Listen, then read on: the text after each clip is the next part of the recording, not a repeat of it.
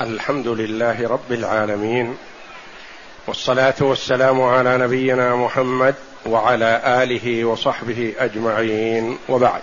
بسم الله. بسم الله الرحمن الرحيم.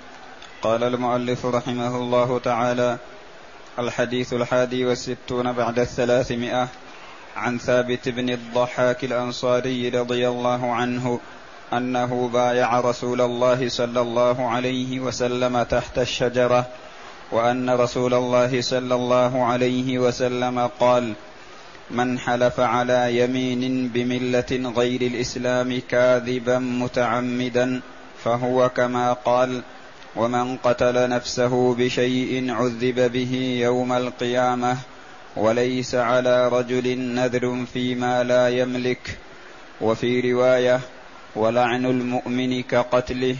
وفي رواية من ادعى دعوى كاذبة ليتكثر بها لم يزده الله إلا قلة. هذا الحديث عن ثابت ابن الضحاك الأنصاري رضي الله عنه. وكان ممن بايع رسول الله صلى الله عليه وسلم تحت الشجرة فهو من أهل بيعة الرضوان الذين قال الله جل وعلا عنهم لقد رضي الله عن المؤمنين إذ يبايعونك تحت الشجرة بايعوا رسول الله صلى الله عليه وسلم على قتال كفار قريش حتى الموت أو النصر.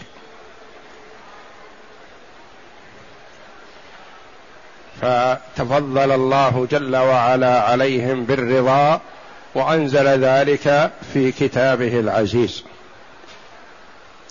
فهم من خيار الصحابة رضي الله عنهم أجمعين. وهذه البيعة قبل صلح الحديبية لما جاء النبي صلى الله عليه وسلم في السنة السادسة من المدينة إلى مكة معتمرا وكان منذ هاجر إلى السنة السادسة ما جاء إلى مكة عليه الصلاة والسلام لأنه حرب مع قريش. فلما كانت السادسة تجهز للعمرة ونزل بالحديبية عليه الصلاة والسلام وأرسل عثمان رضي الله عنه ليشعر قريش بأنه جاء معتمر ما جاء محاربا وإنما جاء محرما عليه الصلاة والسلام. فأشيع أن عثمان قتل قتله كفار قريش. فبايع الصحابة رضي الله عنهم النبي صلى الله عليه وسلم على قتال الكفار كفار قريش حتى الموت والنصر. ثم جاء عثمان وتبين أنه لم يقتل رضي الله عنه وإنما قال له بعض قومه في مكة إن شئت أن تطوف بالبيت لأنه كان محرم مثل الرسول صلى الله عليه وسلم. إن شئت أن تطوف بالبيت خليناك. فأبى رضي الله عنه أن يطوف حتى يطوف مع النبي صلى الله عليه وسلم. ثم عاد إلى النبي صلى الله عليه وسلم ولم توافق. قريش على دخول النبي صلى الله عليه وسلم مكة معتمرا حصل بينهم السفراء حتى تم الصلح المشهور صلح الحديبية الذي سماه الله جل وعلا فتحا في قوله تعالى إنا فتحنا لك فتحا مبينا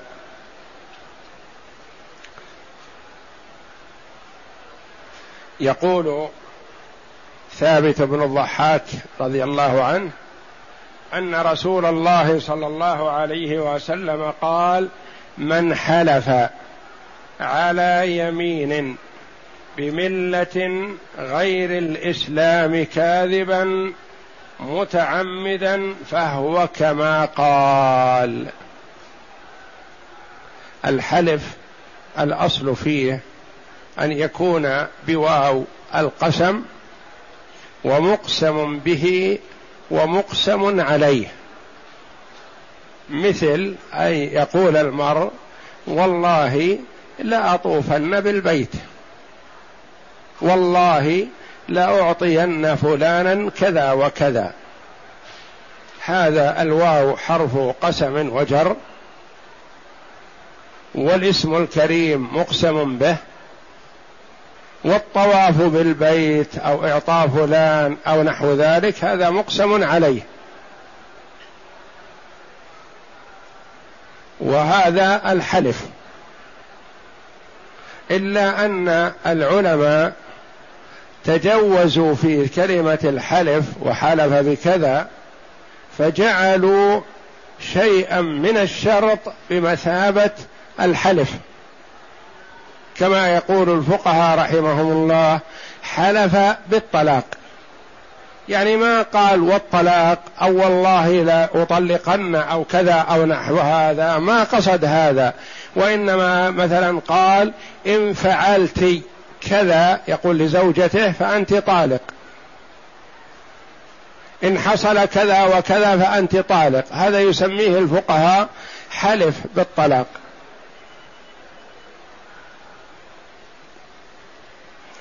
فالنبي صلى الله عليه وسلم يقول في هذا الحديث من حلف على يمين بملة غير الإسلام يعني نسب نفسه إلى ملة غير الإسلام من باب التأكيد لما يقول وهو يعرف أنه كاذب. يعرف أنه كاذب ومتعمد الحلف الكاذب. فهو كما قال يعني هو على هذه الملة والعياذ بالله. كأن يقول مثلا إن كان عنده لزيد مثلا شيء فهو يهودي أو هو نصراني. هذا حلف بملة غير الإسلام وهو مثلا يعرف أنه كاذب أن عنده لزيد. أنكر حق زيد فقيل له تحلف فحلف بملة غير الإسلام. قال إن كان عنده لزيد كذا فهو يهودي. أو إن لم يكن الأمر كذا وكذا فهو يهودي أو نصراني أو مجوسي أو مشرك. فهذا إذا حلف بهذه الصفة على أمر ما يعلم كذب نفسه فهو كما قال والعياذ بالله.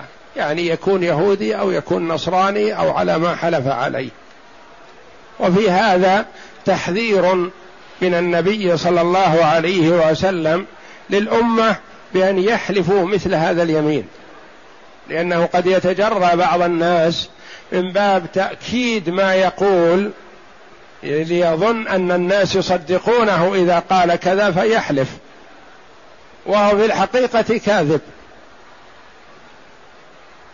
وهذا يعبر عنه العلماء رحمه الله رحمهم الله مثل هذا الحديث وأمثاله بأن هذا من أحاديث الوعيد. وأحاديث الوعيد يجب أن تمر وتلقى ويكون في لفظها الزجر. الشديد عن أن يحلف المرء بهذه اليمين. ولا يتعرض لها مثلا بأن يقال إن قال كذا ماذا يعمل يكفر أو لا يكفر عن يمينه أو يجدد إسلامه أو لا يجدد إسلامه ونحو ذلك. يقال هكذا ورد الحديث عن النبي صلى الله عليه وسلم فاحذره أيها المسلم. فاحذر أيها المسلم أن تحلف هذه اليمين وأنت تعلم كذب نفسك. ولا ينبغي للمرء أن يحلف إلا بالله جل وعلا أو بصفة من صفاته ويكون صادقا فيما يقول. إذا حلف بالله أو بصفة من صفاته وهو صادق فيما يقول فلا يضيره اليمين. ولا حرج عليه. يعرف مثلا زيد اتهمه بأن عنده له كذا وهو يعرف براءة نفسه ويعرف براءة ذمته وأنه قد سدد المبلغ أو نحو ذلك. فحلف بالله العظيم أن زيد لا يستحق عليه شيء. أو حلف بالله العظيم أنه قد سدد زيدا حقه. أو حلف بالله العظيم أنه أعطى حق زيد لفلان لولده أو لوكيله أو لأخيه أو نحو ذلك. هذا إذا كان متيقن مما حلف عليه فلا بأس عليه. لكن عليه أن يحذر عن الحلف بملة غير ملة الإسلام فيكون كما قال والعياذ بالله. ومن قتل نفسه بشيء عذب به يوم القيامة. نفس المرء ليست ملكا له. وبدنه ليس ملكا له بل هو ملك لله جل وعلا. فكما أن المرء لا يجوز أن يتعدى على نفس غيره وعلى بدن غيره لا يجوز له أن يتعدى على نفسه. ولا أن يتعدى على بدنه بشيء لا مصلحة للبدن فيه لأن البدن والنفس أمانة عند الإنسان. فيؤديها حقها ولا يهضمها ولا يتعدى عليها. ما يقول هذا نفسي أنا أتصرف فيها ثم يقتل نفسه. من قتل نفسه بشيء عذب به يوم القيامة. الجزاء من جنس العمل لأنه أقدم على شيء لا يحل له. مثلا قتل نفسه بالسيف فالسيف بيده يقتل نفسه به يوم القيامة كما ورد في الحديث خالدا مخلدا في النار والعياذ بالله. أو بيده السم إذا قتل نفسه بالسم فهو يتحسى يلهمه باستمرار يقتل نفسه. كل مرة يعذب نفسه في نار جهنم على ضوء ما فعل في الدنيا. وفي هذا تحذير للمرء الذي يقدم على قتل الآخرين ويقتل نفسه يوم ويقتل نفسه معهم. لأن هذا حرام عليه ولا يجوز. حرام عليه يتعدى على الأنفس وحرام عليه يتعدى على نفسه. نفسه ليست ملكه يقتلها. فيحرم عليه ذلك. ويعذب بهذا العذاب يوم القيامة بينما بعض الجهلة يظن أنه يفعل بهذا الفعل الجميل والحسن والذي يؤجر عليه. أو يقول عنه بعض الجهال إنه فدائي أو قدم نفسه رخيصة. ما قدم نفسه لإعلاء كلمة الله وإنما لقتل الآخرين وقتل نفسه. فما يجوز له إلا في شيء في مرضاة الله تبارك وتعالى. يقاتل العدا مجابهة غير خيانة ولا مثلا آه، خداع ولا شيء من هذا وإنما مبارزة بالسيف نعم هذه الموتة أفضل الميتات أن يموت شهيدا في سبيل الله لإعلاء كلمة الله. ومن قتل نفسه بشيء عذب به قتل نفسه بشيء يعني بالسيف. بالرصاص بالسم بالخنق بأي نوع من أنواع القتل يعذب به يوم القيامة والعياذ بالله. وليس على الرجل نذر فيما لا يملك. النذر ينذر المرء ما يملكه. وقد قال النبي صلى الله عليه وسلم إن النذر لا يأتي بخير وإنما يستخرج به من البخيل. فالأولى للإنسان إذا أراد أن يطلب من ربه أمرا من الأمور أن يقدم الصدقة يقدم ما يريد أن ينذره ثم يسأل ربه. يتقرب إلى الله جل وعلا بالصدقة والعطاء والإحسان والتفضل ثم يمد يديه إلى ربه جل وعلا فحري أن يستجاب له. لكن يقول إن شفى الله مريضي تصدقت بألف. إن نجحت في الامتحان صمت عشرة أيام. لا يا أخي ما ينبغي مثل هذا. صم. واسأل الله النجاح والتوفيق. تصدق واسأل الله النجاح والتوفيق. تصدق واسأل الله شفاءك من مرضك أو شفاء المريض الذي عندك. فالأولى للإنسان ألا ينذر فإذا نذر وتحقق له ما نذر من أجله وجب عليه أن يفي بما نذر. لكن إذا نذر شيئا ليس له. يقول مثلا إن سلمني الله جل وعلا من هذه الورطة نحرت ناقة فلان. لا يا أخي ناقة فلان لفلان ليست لك. ما يجوز لك أن تنذر هذا النذر فإذا نذرته فلا يجب الوفاء به. ما يجب لأنه ليس في ملكك. هل عليه كفارة في هذا؟ قولان للعلماء رحمهم الله. قول أبي حنيفة رحمه الله ورواية عن الإمام أحمد أنها تجب فيه الكفارة ولا يفي به. والإمام الشافعي والإمام مالك رحمة الله عليهما يقولان لا تجب في هذا كفارة لأن هذا ما يجوز أصلا أن ينذره وأن يقوله فما يجب عليه كفارة. ورواية عن الإمام أحمد أخرى مع قول الإمامين مالك والشافعي رحمة الله عليهم على أنه لا كفارة فيها. وليس على رجل نذر فيما لا يملك. وفي رواية من روايات الحديث في الصحيحين ولعن المؤمن كقتله. تحذير للمسلم من أن يلعن أخاه المسلم. لأنه جاء في الحديث الآخر أن من لعن مسلما حارت اللعنة. فإن كان الملعون مستحق للعن أصابته. وهو الطرد والإبعاد من رحمة الله. وإن كان المرء غير مستحق للعن حارت على قائلها رجعت وصارت على قائلها والعياذ بالله. صارت اللعنة له. فهو لعن من لا يستحق فرجعت اللعنة عليه. ولا يجوز للمسلم أن يلعن من لا يستحق اللعن. نعم يلعن اليهود يلعن النصارى يلعن المشركين يلعن المحادين لله ورسوله يلعن المؤذين لعباد الله ونحو ذلك ممن يستحق اللعن. نعم.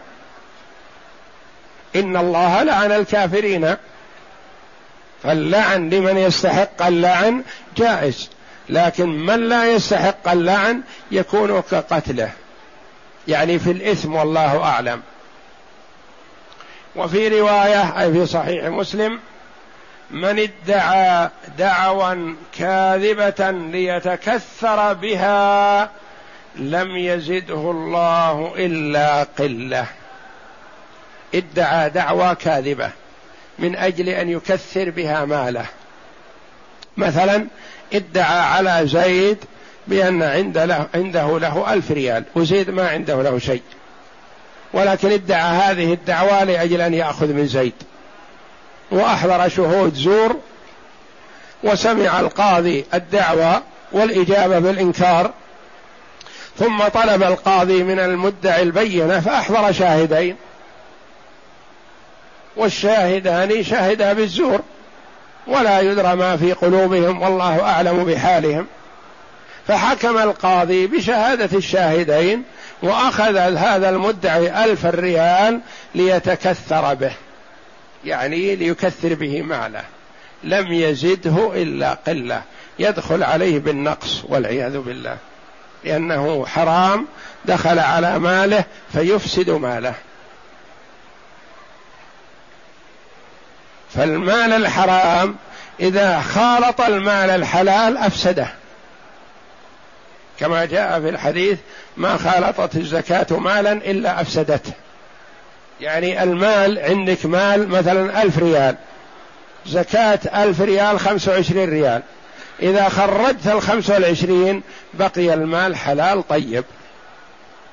إذا تركت الخمس والعشرين مع الألف ما أخرجتها خالطه مال حرام. الخمس والعشرين هذه ليست لك. خالطت مالك فتفسده. تضره. أخرجها من أجل أن يزكو مالك وينمو ويزيد ويبارك فيه وينفع. ومن ادعى دعوى كاذبة يعني دعوى كاذبة غير صحيحة.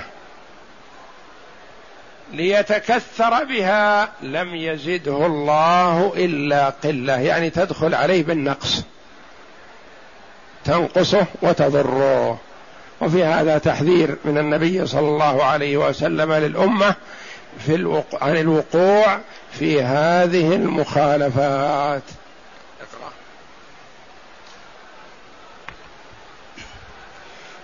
المعنى الإجمالي روى ثابت بن الضحاك الأنصاري رضي الله عنه أحد المبايعين تحت الشجرة بيعة الرضوان يوم الحديبية عن النبي صلى الله عليه وسلم أنه قال ما معناه من حلف على يمين بغير شريعة الإسلام كأن يقول هو يهودي أو نصراني أو هو مجوسي أو هو كافر أو هو بريء من الله ورسوله متعمدا كاذبا في يمينه فهو كما نسب نفسه إليه من إحدى هذه الملل الكافرة.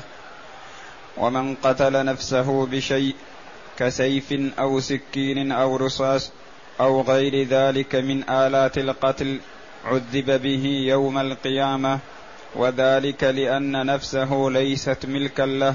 وإنما هي ملك لله تعالى وهو المتصرف بها فهو عنده وديعة وأمانة خان فيها بانتحاره. فالجزاء من جنس العمل فاستحق العذاب والقصاص بمثل ما فعل. ومن لعن مؤمنا فكأنما قتله لاشتراك اللاعن والقاتل بانتهاك حرم الله تعالى واكتساب الإثم واستحقاق العذاب. ومن تكبر وتكثر بالدعاوي الكاذبة التي ليست فيه من مال أو علم أو نسب أو شرف أو منصب مريدا بذلك التطاول لم يزده الله إلا ذلة وحقارة لأنه أراد رفع نفسه بما ليس فيه فجزاؤه من جنس مقصده. وعمل بنقيض قصده لأنه قصد الترفع فيذله الله جل وعلا. قصد التكثر فيفقره الله جل وعلا. نعم. وأعظمها أن يقصد بدعاويه الحيلة لأكل أموال الناس بالباطل أو تضليلهم ومخادعتهم. ومن نذر شيئا لم يملكه كأن ينذر عتق عبد فلان أو التصدق بشيء من مال فلان فإن نذره لاغ لم ينعقد لأنه لم يقع موقعه ولم يحل محله. ما يستفاد من الحديث أولا تغليظ التحريم على من حلف بشريعة غير الإسلام. وقد اختلف العلماء هل لها كفارة أم لا. فالمشهور من مذهبنا أن فيها الكفارة وهو مذهب الحنفية وغيرهم. ومذهب مالك والشافعي رحمهما الله ليس فيها كفارة وهو رواية عن الإمام أحمد رحمه الله اختارها ابن قدامة وابن دقيق العيد وغيرهما وهي أصح. ثانيا تحريم قتل الإنسان نفسه فإن إثمه كإثم القاتل لغيره ويعذب بما قتل به نفسه فإن الجزاء من جنس العمل. ثالثا وأن لعن الإنسان كقتله في المشاركة في الإثم وإن لم, يت وإن لم يستويا في قدره. رابعا تحريم ادعاء الإنسان ما ليس فيه من علم أو نسب أو شجاعة أو غير ذلك خصوصا لمن غر بها الناس أو يدعي معرفته لعمل ليتولى وظيفته. كل هذا حرام. ومن فعله رياء وتكبرا لم يزده الله تعالى إلا ذلة فالجزاء من جنس المقصد الدني من جنس القصد الدني خامسا أن النذر لا ينعقد فيما لا يملكه الناذر فإن النذر طاعة وقربة ولا يتقرب فيما لا يتصرف فيه وإذا نظر فليس عليه في نذره شيء. سادسا ظاهر قوله صلى الله عليه وسلم في الحديث فهو كما قال أن الحالف بغير ملة الإسلام يخرج من الإسلام وأن قوله صلى الله عليه وسلم لعن المؤمن كقتله أن إثم اللاعن والقاتل سواء وتقدم الكلام على مثل هذه النصوص. يعني أحاديث الوعيد. نعم. ولشيخ الإسلام ابن تيمية رحمه الله في مثل هذه الأحاديث مسلك وهو أنه لا بد في لا بد في وقوع الوعيد من وجود أسبابه وانتفاء موانعه. وجود أسبابه وانتفاء موانعه. فإذا وجدت الأسباب ولم تنتفي الموانع انتفى. وإذا وجدت الاسباب انتفت الموانع لكن ما وجدت الأسباب فلا يتم. والله أعلم. يعني أن هذا الوعيد وعيد شديد وفي تخويف لكن أمره إلى الله جل وعلا. إذا وجدت أسبابه وانتفت موانعه حصل ما حصل. و ولا يجزم بوقوعه وإنما يقال هذا من أحاديث الوعيد التي ينبغي للمسلم أن يحذرها. نعم. فإذا رتب الوعيد على فعل شيء كان فعله سببا من أسباب الوعيد الموجب لحصوله. فإن انتفت الموانع من ذلك وقع وإن عارض السبب مانع اندفع موجب السبب بحسب قوة المانع وضعفه وهذه قاعدة نافعة. والله أعلم. وصلى الله وسلم وبارك على عبده ورسول نبينا محمد وعلى آله وصحبه أجمعين.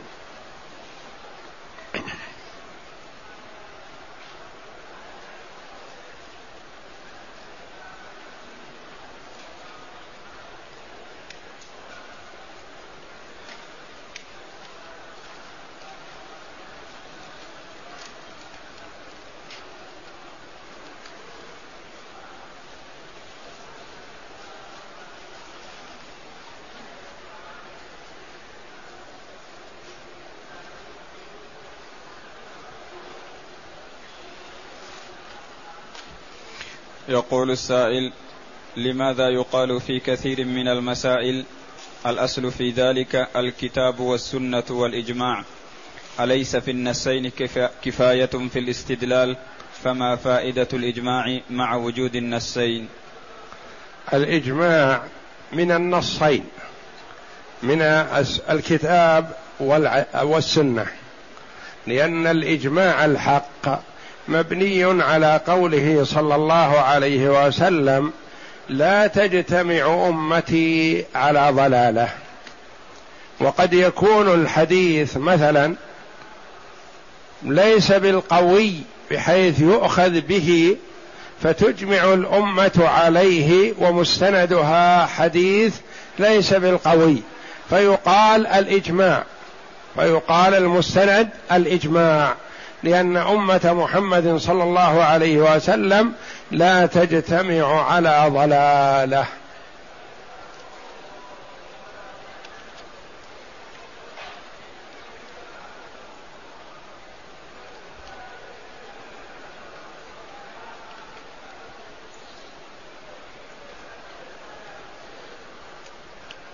يقول رجل طلق امرأته قبل أن يدخل بها. ثم عقد على أختها في نفس المجلس فهذا الفعل صحيح؟ إذا طلق المرء المرأة التي عقد عليها قبل الدخول والخلوة فليس لها عدة وتبين منه بمجرد لفظه بالطلاق. إذا نطق بكلمة الطلاق بانت. وممكن أن يعقد عليها رجل آخر في الحال. وممكن أن يعقد على أختها في الحال. لأنها ليس لها عدة.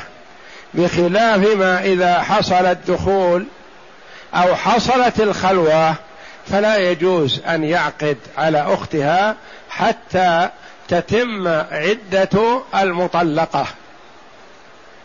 فمثلا عقد على امرأة وركبت معه في السيارة وذهب وإياها إلى مكان ما ثم عادها إلى أهلها قبل أن يمسها.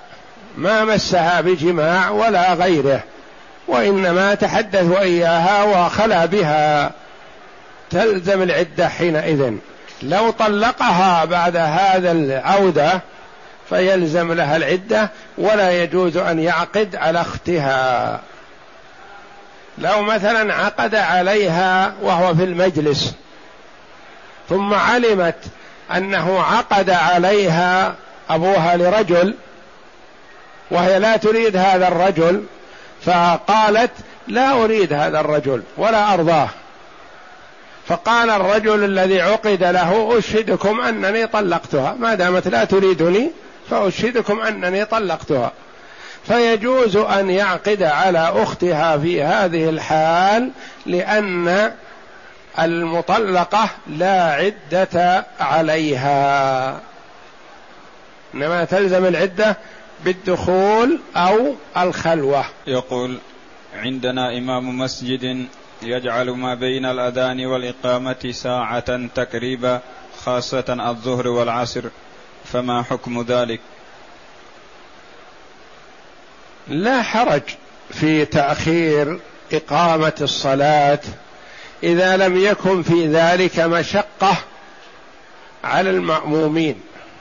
لا يجوز للإمام أن يشق على المأمومين. مثلا المأمومون يحبون أن يصلوا بعد الأذان بربع ساعة أو ثلث ساعة أو نحو ذلك. فيؤخرهم الإمام لقضاء أعماله وأشغاله ونحو ذلك إلى ساعة. ما يجوز له ذلك. لكن إذا تواطأ الإمام والجماعة على أن مثلا أذان الظهر حسب الحال الآن على 12 وثلث. واتفق معهم على أن الصلاة تقام مثلا وحده. أو الساعة واحدة ونصف مثلا أكثر من ساعة انتظار فلا حرج لأنه لا يزال في الوقت والحمد لله. والنبي صلى الله عليه وسلم أخر ليلة صلاة العشاء وجاء إلى الصحابة وهم ينتظرونه في المسجد وتخفق رؤوسهم من النوم. فصلى بهم عليه الصلاة والسلام وبين لهم أن الناس صلوا وناموا. وأنتم لا تزالون في الصلاة ما انتظرتم الصلاة. وبين في حديث آخر أنه الأفضل لوقتها لولا المشقة. لولا المشقة على المصلين لأخرها النبي صلى الله عليه وسلم إلى مضي ثلث الليل الأول. مثلا ثلث الليل الأول إذا كان الليل تسع ساعات مثلا وأخر صلاة العشاء إلى ما بعد ثلاث ساعات من بعد الغروب فلا بأس. لكن بشرط أن لا يكون في مشقة. فالواجب على الإمام مراعاة المأمومين. إذا كان المأمومون يحبون المبادرة فيصلي بهم بعد الأذان ربع ساعة عشر دقائق ثلث ساعة مثلا. وإذا كان الجماعة متفرقون ويحبون أن يجتمعوا في مسجدهم ويصلوا ولو تأخر الوقت مثلا وهم يعملون في أعمالهم ثم يأوون إلى بيوتهم فيصلي بهم صلاة الظهر مثلا الساعة واحدة ونصف ونحو ذلك فلا حرج إذا كان هذا بتواطؤ منهم.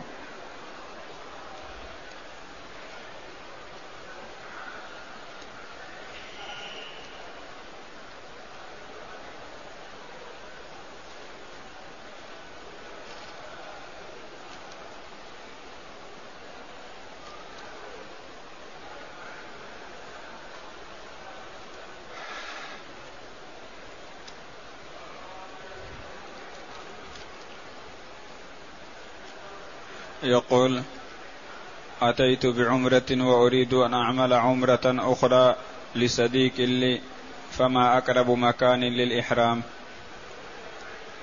إذا قدمت إلى مكة بعمرة وأديتها فما يحسن أن تخرج للإتيان بعمرة أخرى؟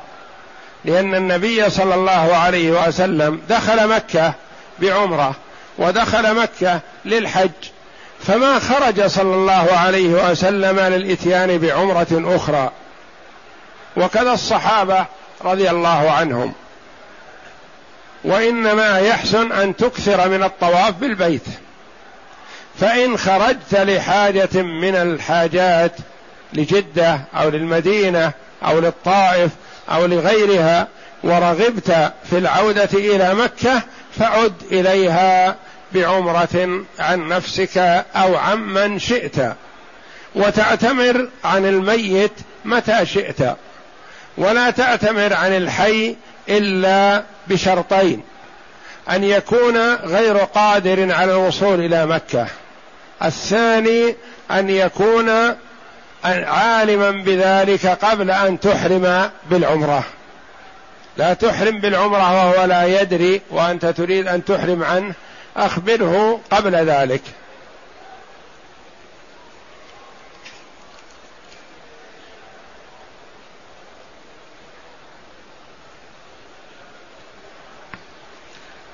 يقول هل قطرة الأنف تفطر في الصوم؟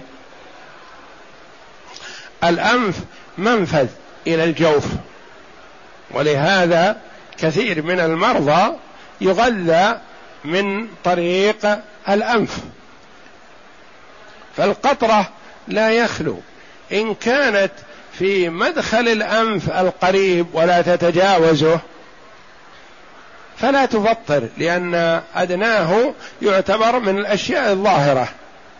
وأما إذا كانت مع الأنف ثم يحس بها أو بطعمها في الحلق فهي مفطرة حينئذ لأن الحلق منفذ. وممكن أن يستطعم الطعام كامل من طريق الأنف.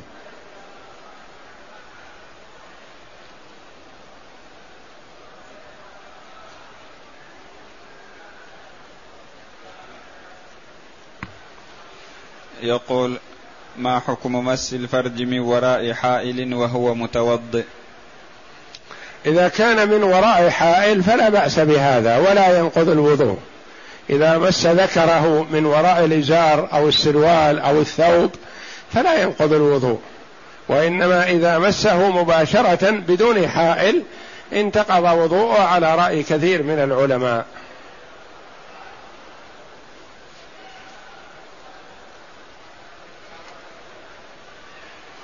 يقول إذا صليت الوتر في الضحى فما معنى الوتر شفعا؟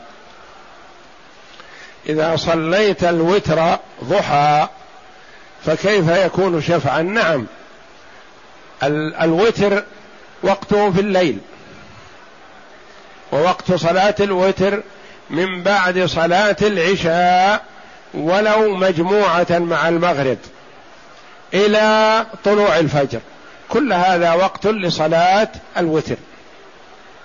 فأوله مثلا مريض أو مسافر صلى المغرب بعد غروب الشمس.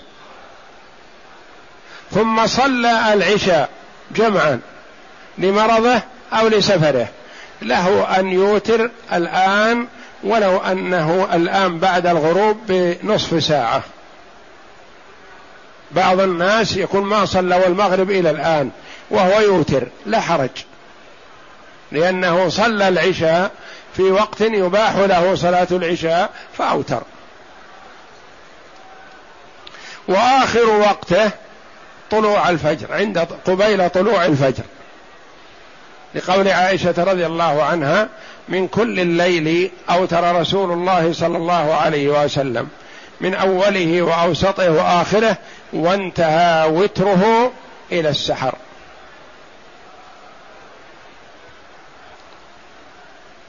ومن رحمة الله جل وعلا بعباده أن المرء قد ينوي الوتر آخر الليل. يصلي ما تيسر له أول الليل أو هو منشغل في أمر ما وصلى العشاء وانشغل في شغله ثم رقد على نية أنه يقوم آخر الليل فيصلي. فغلبه النوم فما قام إلا لصلاة الفجر ففات عليه الوتر. تفضلا من الله جل وعلا على عباده عوضهم فجعل للمرء أن يصلي وتره من الليل نهارا على لسان محمد صلى الله عليه وسلم. فيصليه نهارا من بعد طلوع الشمس وارتفاعها قدر الرمح إلى أن تقف الشمس في وسط السماء. كل وقت الضحى من أوله إلى آخره كله وقت للوتر. لكن لا يقضيه وترا وإنما يقضيه شفعا. هذا هو الوتر. إذا قضي نهارا يكون شفعا. إذا كان يوتر بركعة واحدة صلى ركعتين عن الوتر. وإذا كان يوتر بثلاث صلى أربع. وإذا كان يوتر بخمس صلى ست. وإذا كان يوتر بسبع صلى ثمان. وهكذا. وأفضل ما يوتر به المرء وتر النبي صلى الله عليه وسلم إحدى عشرة ركعة أو ثلاث عشرة ركعة. هذا أفضل الوتر. والحمد لله الأمر فيه سعة. إن اتسع الوقت ممكن أن يقرأ بالإحدى عشرة ركعة ثلث القرآن أو ربع القرآن. وحسب ما عنده من الساعات من الليل. وممكن أن يصلي إحدى عشر ركعة بنصف ساعة. إنما حرص على أن يأتي بوتره على صفة وتر النبي صلى الله عليه وسلم. فيؤجر بكثرة الركعات والقيام والركوع والسجود أن هذا عبادة. ويؤجر على رغبته في الاقتداء بالنبي صلى الله عليه وسلم. فإذا أوتر أحيانا بثلاث عشرة ركعة وأحيانا بإحدى عشرة ركعة فحسن. ثم قد يصلي الركعة مثلا بأي سورة من السور القصار وقد يصليها بالبقرة أو بآل عمران أو بالنساء. النبي صلى الله عليه وسلم صلى في ركعة واحدة بالبقرة. والنساء وآل عمران. في ركعة واحدة. خمسة أجزاء من القرآن وزيادة. وإذا ضاق الوقت أو كان المرء مريض أو مشغول أو خشي طلوع الفجر فله أن يصلي الركعة بقل يا أيها الكافرون وقل هو الله أحد. وقل أعوذ برب الناس وقل أعوذ برب الفلق وهكذا.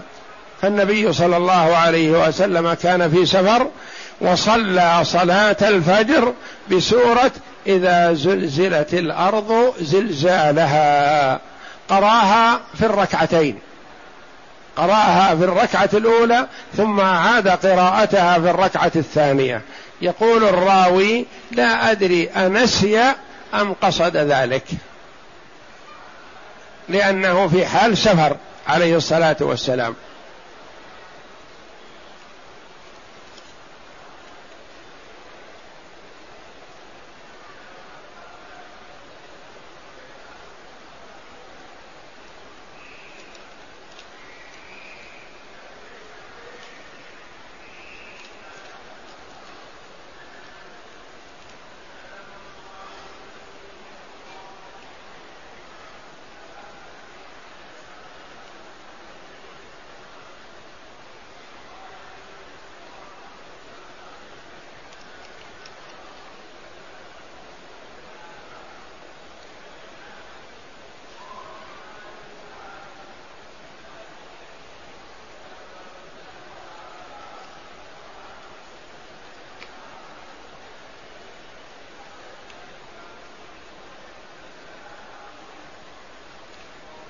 يقول عندي زملاء يكثرون من الإجازات رغم أنهم من الإجازات المرضية رغم أنهم غير غير مرضى بسبب الغياب عن المدرسة. وإذا سألتهم عن السبب ذكروا أن المكان بعيد عن المدينة وفي النهاية سوف ينجح جميع الطلاب وهم قليلون وهم قليل التدريس.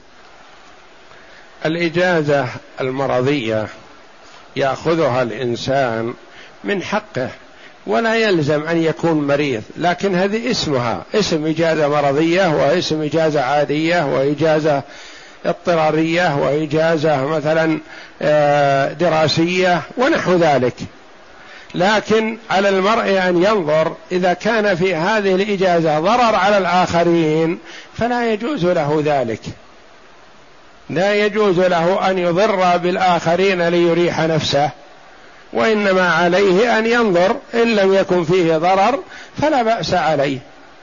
وهو من حقه لأنه لو أراد إجازة مرضية زيادة ما أعطي إلا بتقرير طبي ولا يجوز للمرأة أن يأخذ تقرير طبي من أجل الإجازة آه، وهو غير صحيح. فيحرم عليه مثلا أن يأخذ بتقرير طبي مكذوب. لأن هذا من الغش والكذب.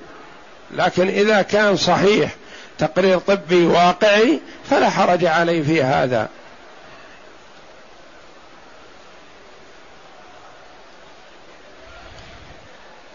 يقول صليت الركعة الثانية بعد الإمام من صلاة الفجر وقمت لإكمال الصلاة فهل أصليها جهرا أم سرا؟ إذا صليت الصلاة الجهرية سرا فلا بأس الصلاة صحيحة. أو صليت الصلاة السرية جهرا فلا بأس الصلاة صحيحة. لو صليت الظهر مثلا جهرت في القراءة سمعك من خلفك فالصلاة صحيحة. أو أسررت في قراءة صلاة المغرب أو العشاء أو الفجر فالصلاة صحيحة. لكن الأفضل أن تسر في الصلاة السرية الظهر والعصر وصلاة النهار. والأفضل أن تجهر في الصلاة الجهرية. فإذا أدركت ركعة مع الإمام في صلاة الفجر ثم قمت تقضي الأخرى فلا يخلو. إن كان جهرك فيه ضرر على الآخرين وتشويش عليهم فلا تجهر. بل أسر وذلك خير لك من أن تشوش على الآخرين. وإن لم يكن في هذا تشويش على الآخرين وجهرت قليلا فحسن لأن هذا هو السنة. ولا ينبغي للإنسان أن يؤذي بالقراءة لا في حال صلاته ولا في حال تلاوته للقرآن خارج الصلاة ولا في أي عمل من الأعمال. لا يشوش أحدكم على نفسه فكل يناجي لا يشوش أحدكم على غيره فكل يناجي ربه.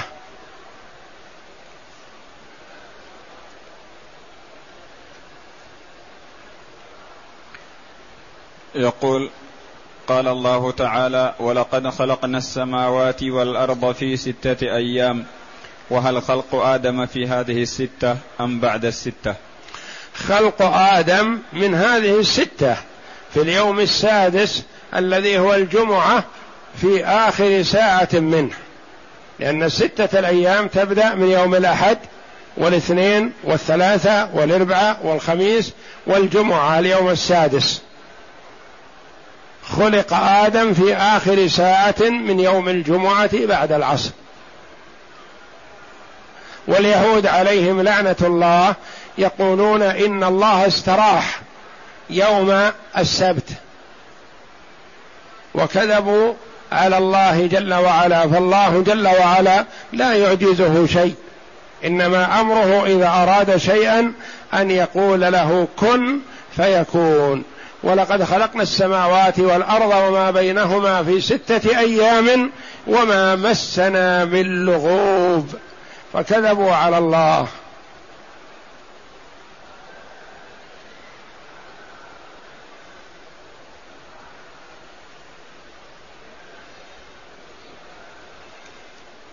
يقول أعمل في مكة وأذهب مسافرا لبلدي كل عام ثم أعود بعد ذلك. هل يجب علي عند مغادرة مكة طواف الوداع؟ ما يجب طواف الوداع إلا في الحج. إذا حج المرء وسافر بعد الحج يجب عليه طواف الوداع. وأما إذا كان مقيم بمكة وأراد سفر فلا يجب عليه وإنما يستحب. لأن الطواف بالبيت عبادة وقربة وطاعة لله جل وعلا وهو مستحب في كل وقت. ومن تعظيم بيت الله إذا أردت سفرا أو خروجا إلى أمر ما أن تطوف به تقربا إلى الله جل وعلا. لكن من حيث الوجوب لا يجب.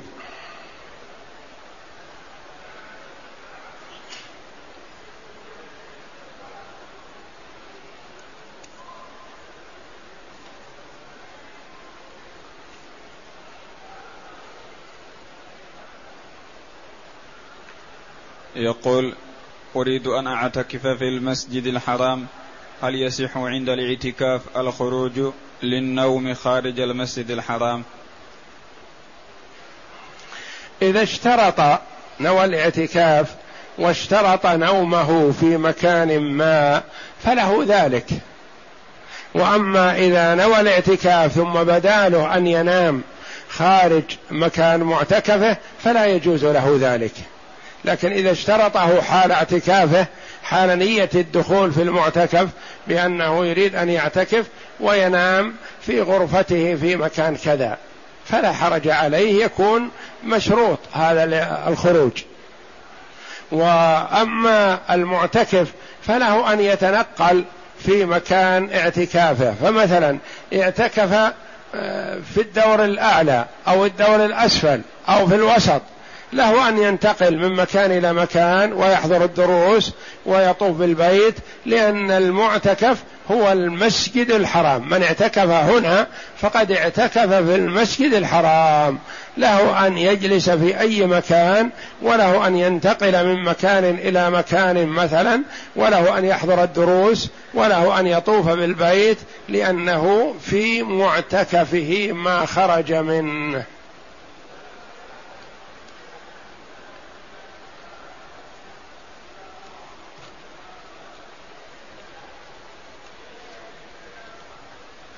يقول رجل طلق امرأته وهي حائض فهل يقع الطلاق؟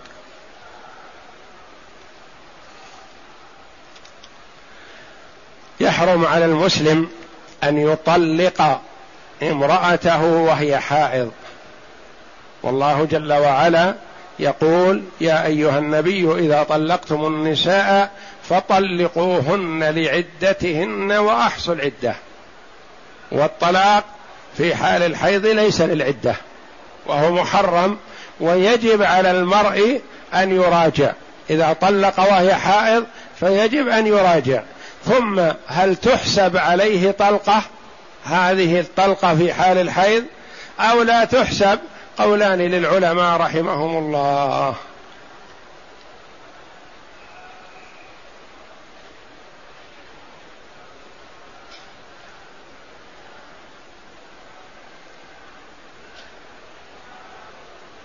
يقول إذا فاتته صلاة العصر فهل يصلي النافلة التي قبل العصر؟ فاتته صلاة العصر مع الجماعة هل له أن يصلي النافلة قبل العصر؟ نعم له ذلك. ما دام في الوقت سعة فهو غير منهي عن الصلاة قبل العصر لكن ينهى عن الصلاة بعد صلاة العصر. إلا لسبب. ما دام أنه لم يصلي العصر بعد فله أن يتنفل كأن يكون ينتظر رفقته ونحو ذلك يصلي ما تيسر و ثم يصلي العصر بعد ذلك ولو أن الجماعة قد صلوا.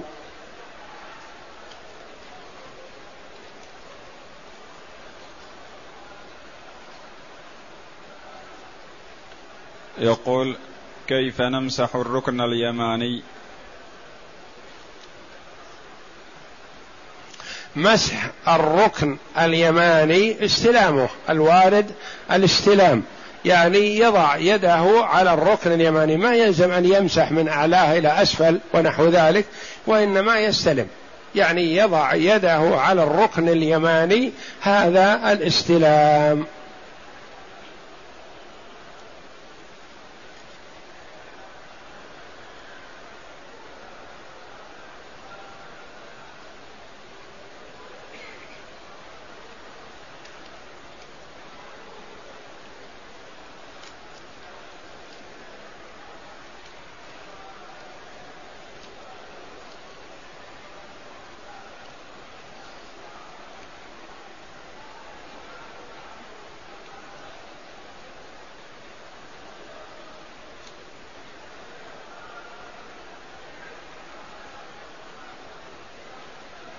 يسأل عن التدريس والدراسة في المدارس المختلطة. ما يجوز للمرء أن يعمل هو في المدرسة التي يختلط فيها الرجال بالنساء والبنات بالأولاد وكذلك لا يجوز له أن يدرس أولاده بهذا الشكل لأنهم ينشأون على الإلف ومخالطة النساء والاقتران بهن وربما وقعوا في الحرام.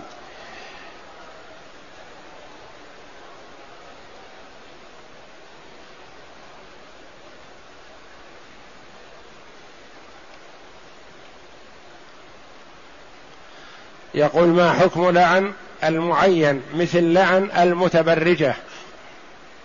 لعن المتبرجة يعني مرت بك امرأة متبرجة ما يجوز أن تلعنها بعينها وإنما تدعو لها بالهداية والصلاح.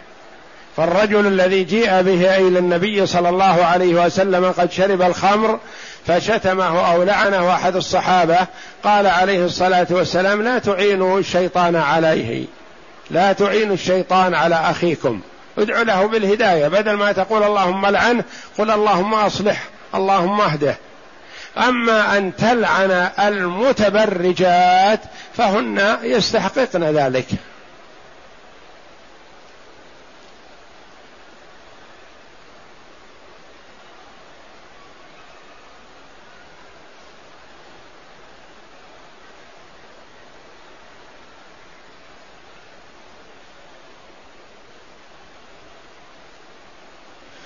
يقول شخص اشترى سلعة بخمس ريال وهو يريد منها عشر ريال وإذا سوم بسبعة حلف أنه ما اشتراها بها وهو يضمر في نفسه أن القيمة الأصلية بخمس. ما حكم هذا الحلف؟ ما يجوز لمثل هذا لأنه يموه على من يريد شراءها بأنه شاريها بأكثر من سبعة. ففي هذا تمويه وتدليس ولا يجوز للمرء يقول لا لا أبيعها بسبعة ولا يحلف بأنه ما اشتراها بسبعة وهو يقصد أنه اشتراها بأقل من سبعة.